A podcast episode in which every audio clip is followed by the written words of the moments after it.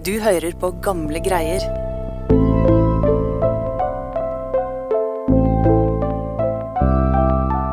En høstdag i 1885 våknet Norge opp til en brutal drapssak som sjokkerte befolkningen. Og morderen var på frifot. Med ny teknologi hadde politiet fått nye redskaper som revolusjonerte jakten på den kriminelle. Likevel sto teknologien i fare for å ødelegge hele etterforskningen.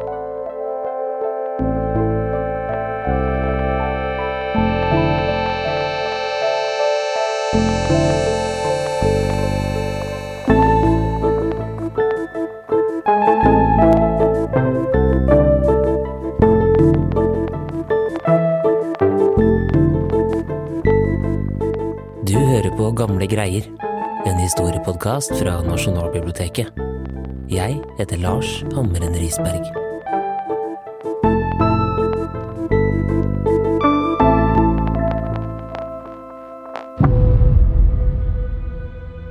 Tirsdag den 29. september i 1885 så fikk politiet i Kristiania en melding om et mulig drap på en gård i Maridalen. Mannen som bodde på gården, han het eh, Anders Christensen, og han var skredder. Ifølge vitnebeskrivelser så skulle man ha hørt flere skrik fra huset hans eh, kvelden før. Men ingen hadde våga å nærme seg huset før dagen etterpå. Så med den bekymringsmeldinga så sendte politiet ut en patrulje til gården så fort som mulig. Chris Nyborg, du er lokalhistoriker på eh, Nasjonalbiblioteket. Og da politiet kom fram til gården og gikk inn, så var det ingen tvil om at eh, dette her var en kriminalsak. Nei, med det synet som møtte politiet idet de gikk inn i huset, så var det helt klart at dette var et åsted. Foran kjøkkendøra så de masse blod. Det kom fra kjøkkenet, og da de gikk inn der, fant de liket av skredderen Anders Christensen. Blodet hadde rent fra hodet hans, som hadde fått flere slag. Mye tyder på at eh, Christensen hadde blitt slått flere ganger før han døde. Politiet undersøkte de andre rommene i huset, og i stua hadde den eller de som eh, sto bak dette, tatt eh, verdisaker. Og det tyda jo på at det var et rovmord. Så hva gjorde politiet etter disse funnene? Politiet hadde fått et nytt verktøy som de kunne bruke, som gjorde at de kunne nå ut på en helt ny og mer effektiv måte enn tidligere. Og det var eh, telegrafen, altså denne tastemaskinen som man kunne sende meldinger med i lysets hastighet. Tidligere så hadde de jo måttet sende beskjeder på papir via hest, eh, noe som selvfølgelig gjorde at sporene fort ble kalde. Så samme dag som drapet ble oppdaga, kunne politisjefen sende telegram til politistasjoner på Østlandet om at nå er en morder på rømmen. Men på det tidspunktet fikk ikke etterforskerne gjort stort annet enn å melde om et mord, for det manglet jo fortsatt en mistenkt. Og det hastet det jo med å få hull på, Chris. Ja, eh, så parallelt med at meldingen ble sendt ut, så gikk de lokale etterforskerne i gang med den taktiske etterforskninga, som vi sier. Altså klassisk politiarbeid slik vi fortsatt kjenner det i dag. De delte opp åstedgruppa i flere team, og et av disse teamene fikk i oppgave å forhøre seg i lokalmiljøet. De gikk fra gård til gård, og her var det ingen som pekte seg ut som en mulig morder. Alle hadde alibi. Men flere i lokalmiljøet hadde en interessant detalj som politietterforskerne bet seg merke i.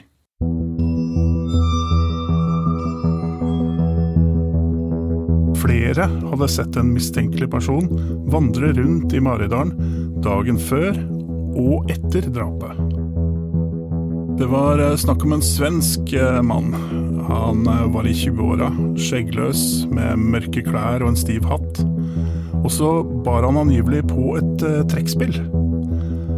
Han hadde spurt om jobbmuligheter i Maridalen, men etter drapet så hadde han plutselig fått hastverk og var borte. Så med denne informasjonen mente politiet at de hadde et spor, og de begynte å snevre inn jakten på den mistenkte, mannen med trekkspill. Ikke lenge etterpå, ved skogbrynet i Nydalen, så oppdaga politiet noe som så ut som ja, møkkete papirlapper. Men da de kom nærmere, så plukka de dem opp for å se hva det egentlig var, og da steg nok pulsen til etterforskerne.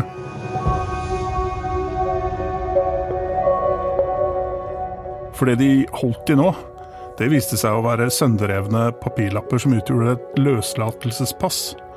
Og det vil si et pass fra en som nylig hadde kommet ut av fengsel. Det tilhørte en Henrik Jansson, en mann i 20-åra fra Sverige. Og nå lurte jo politiet på om dette i stykker revne løslatelsespasset tilhørte mannen med trekkspillet. Ja, og, og, det som var så genialt, det var at for kort tid siden så hadde fotografiet gjort det mulig for myndighetene å fotografere alle kriminelle som ble fengsla. Så det fantes et fotografi av mannen med passet.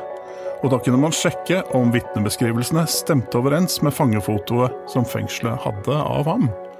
Så igjen så benytter politiet seg av telegraftjenesten og kontakter sine svenske kolleger i Stockholm.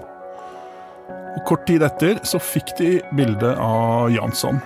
Og eh, svenskene kunne også fortelle at han hadde bare noen dager tidligere blitt løslatt fra fengselet i Sverige. Han hadde sona fire år og fem måneders straffarbeid for tyveri og forfalskning. Så politiet mente at det var stor sannsynlighet for at eh, Henrik Jansson var denne mistenkelige personen folk i Maridalen hadde observert. Så hva gjorde etterforskerne for å få dette avklart, Chris? De eh, viste fotografiet av Jansson til vitnene som hadde observert den eh, mistenkelige personen i Maridalen. Og de viste fotografier av andre straffedømte i samme alder, for det kunne jo være at det ikke var denne svensken likevel. Men hva skjedde? Nesten alle vitnene pekte på fotografiet av Jansson. Det var med andre ord et gjennombrudd for politiets etterforskning, og med moderne teknologi så hadde man identifisert den mistenkte. Og straks gikk politiet videre til det skrittet å publisere en offentlig etterlysning av svensken, med bilde og med en dusør på 500 kroner. For pressen eh, hadde for lengst begynt med daglige aviser, så nå kunne etterlysninga spres til alle de store og små avisene og snart rant inn tips fra offentligheten. Eh, de nye teknologiske vinningene hadde gjort eh, politiets arbeid lettere, men det skapte også utfordringer. Ja, de, eh, de drukna i informasjon.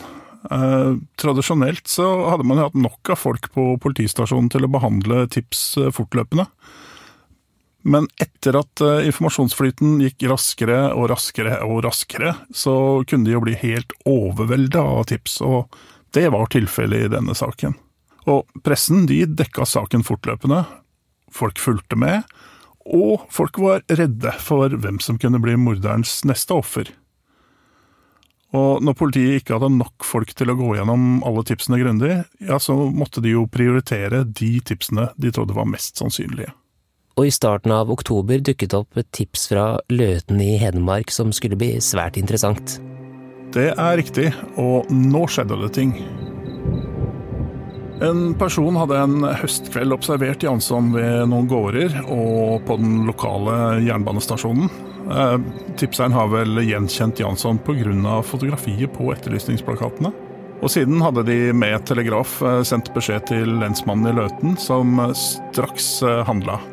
For nå visste de at eh, Jansson han kunne bli tatt til fange i løpet av få dager.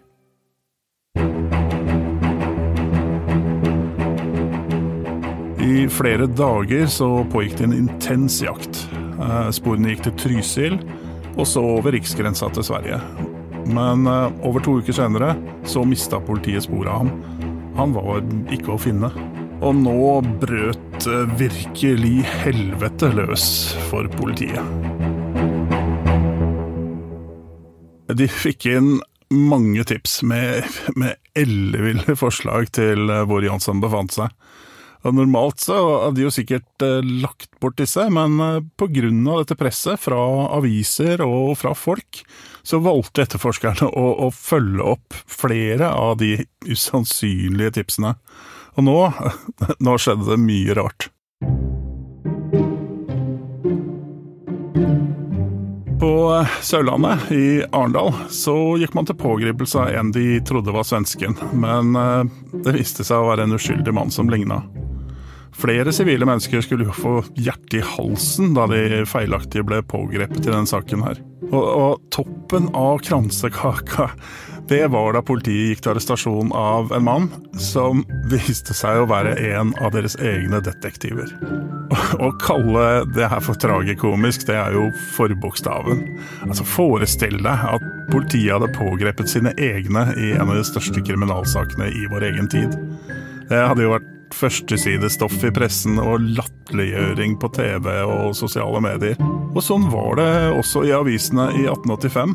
Pressen de holdt på å le seg i hjel, og publiserte nådeløse karikaturer av politiet.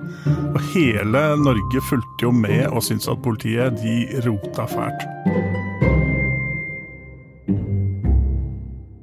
Så norsk politi fant ikke Jansson i Norge.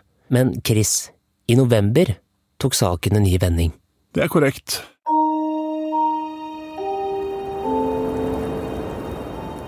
I eh, starten av november så fikk eh, norsk politi telegrammet de hadde venta på. Svensk eh, politi kunne melde at de hadde arrestert en mann som var etterlyst i Norge, og det var Henrik Jansson. Han hadde blitt pågrepet i Dalarna, og det var kjent at Jansson hadde blitt observert flere ganger i området uten at det lokale politiet foretok seg noe. Det forklarer jo hvorfor han hadde vært på frifot så lenge. For det var ikke før en eh, norsk politibetjent hadde vært i området og opplyst om at det var en dusør på Janssons hode, at eh, ting skjedde. Jansson eh, ble så utlevert til Norge, og i jern ble han frakta til Kristiania den 23. november. Og der begynte de etter hvert å avhøre han. Og på kort tid så sprakk Jansson og tilsto at han var drapsmannen i Maridalen. Ja, det er riktig. De eh, la fram de blodige bevisene, og det gjorde at han mista maska. Senere kom dommen, og Jansson fikk faktisk eh, dødsstraff. Men eh, han ble benåda til straffarbeid på livstid, og på starten av 1900-tallet så ble han løslatt og utvist til Sverige. Hadde Jansson begått drapet noen år før, så hadde han kanskje ikke blitt tatt, men pga. de nye redskapene til politiet, så kunne den stakkars skredderen i Maridalen få rettferdighet.